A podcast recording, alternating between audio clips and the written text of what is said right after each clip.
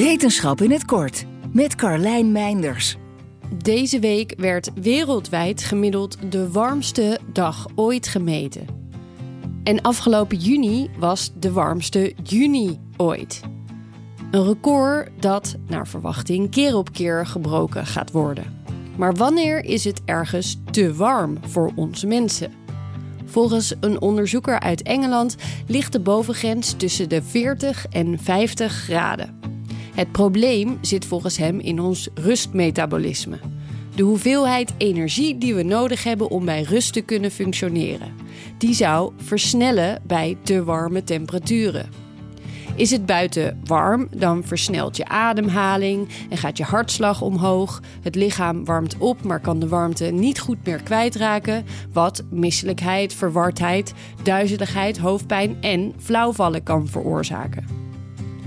De onderzoeker publiceerde in 2021 de eerste resultaten van een serie hitte-experimenten.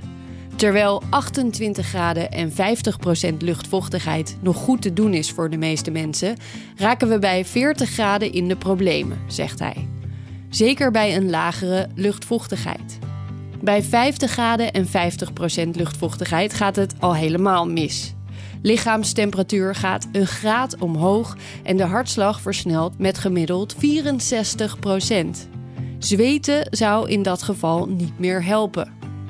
Hoe erg je er dan aan toe bent, dat ligt onder andere aan hoe lang je aan deze temperatuur wordt blootgesteld. De onderzoekers gokken dat het op een gegeven moment fataal moet zijn, maar hebben dat in experimenten vanzelfsprekend niet afgewacht. In de nieuwste testen hebben ze vooral gekeken naar hartactiviteit. Op zich al interessant, omdat het meetapparatuur niet echt bedoeld is om in 50 graden en 25% luchtvochtigheid te functioneren. Ze zagen onder andere dat de hartslag van vrouwen bij deze temperatuur gemiddeld veel hoger opliep dan die van mannen. Nou zegt dit allemaal nog niet genoeg. Meer onderzoek is nodig om echt iets te kunnen zeggen over wat er precies in het lichaam zou gebeuren bij lange blootstelling aan zulke extreme hitte. En dan is er ook nog de psychologische kant van functioneren bij hele hoge temperaturen en de verschillen tussen individuen. Maar met de oplopende temperaturen is dit soort onderzoek wel hard nodig. En duidelijk is wel dat je lichaam het van binnen zwaarder krijgt als de temperatuur oploopt. Dus doe alvast maar een beetje rustig aan als ook hier de zon flink schijnt. Wil je elke dag een wetenschapsnieuwtje? Abonneer je dan op Wetenschap vandaag. Spotify is partner van Wetenschap vandaag. Luister Wetenschap vandaag terug in al je favoriete podcast-apps.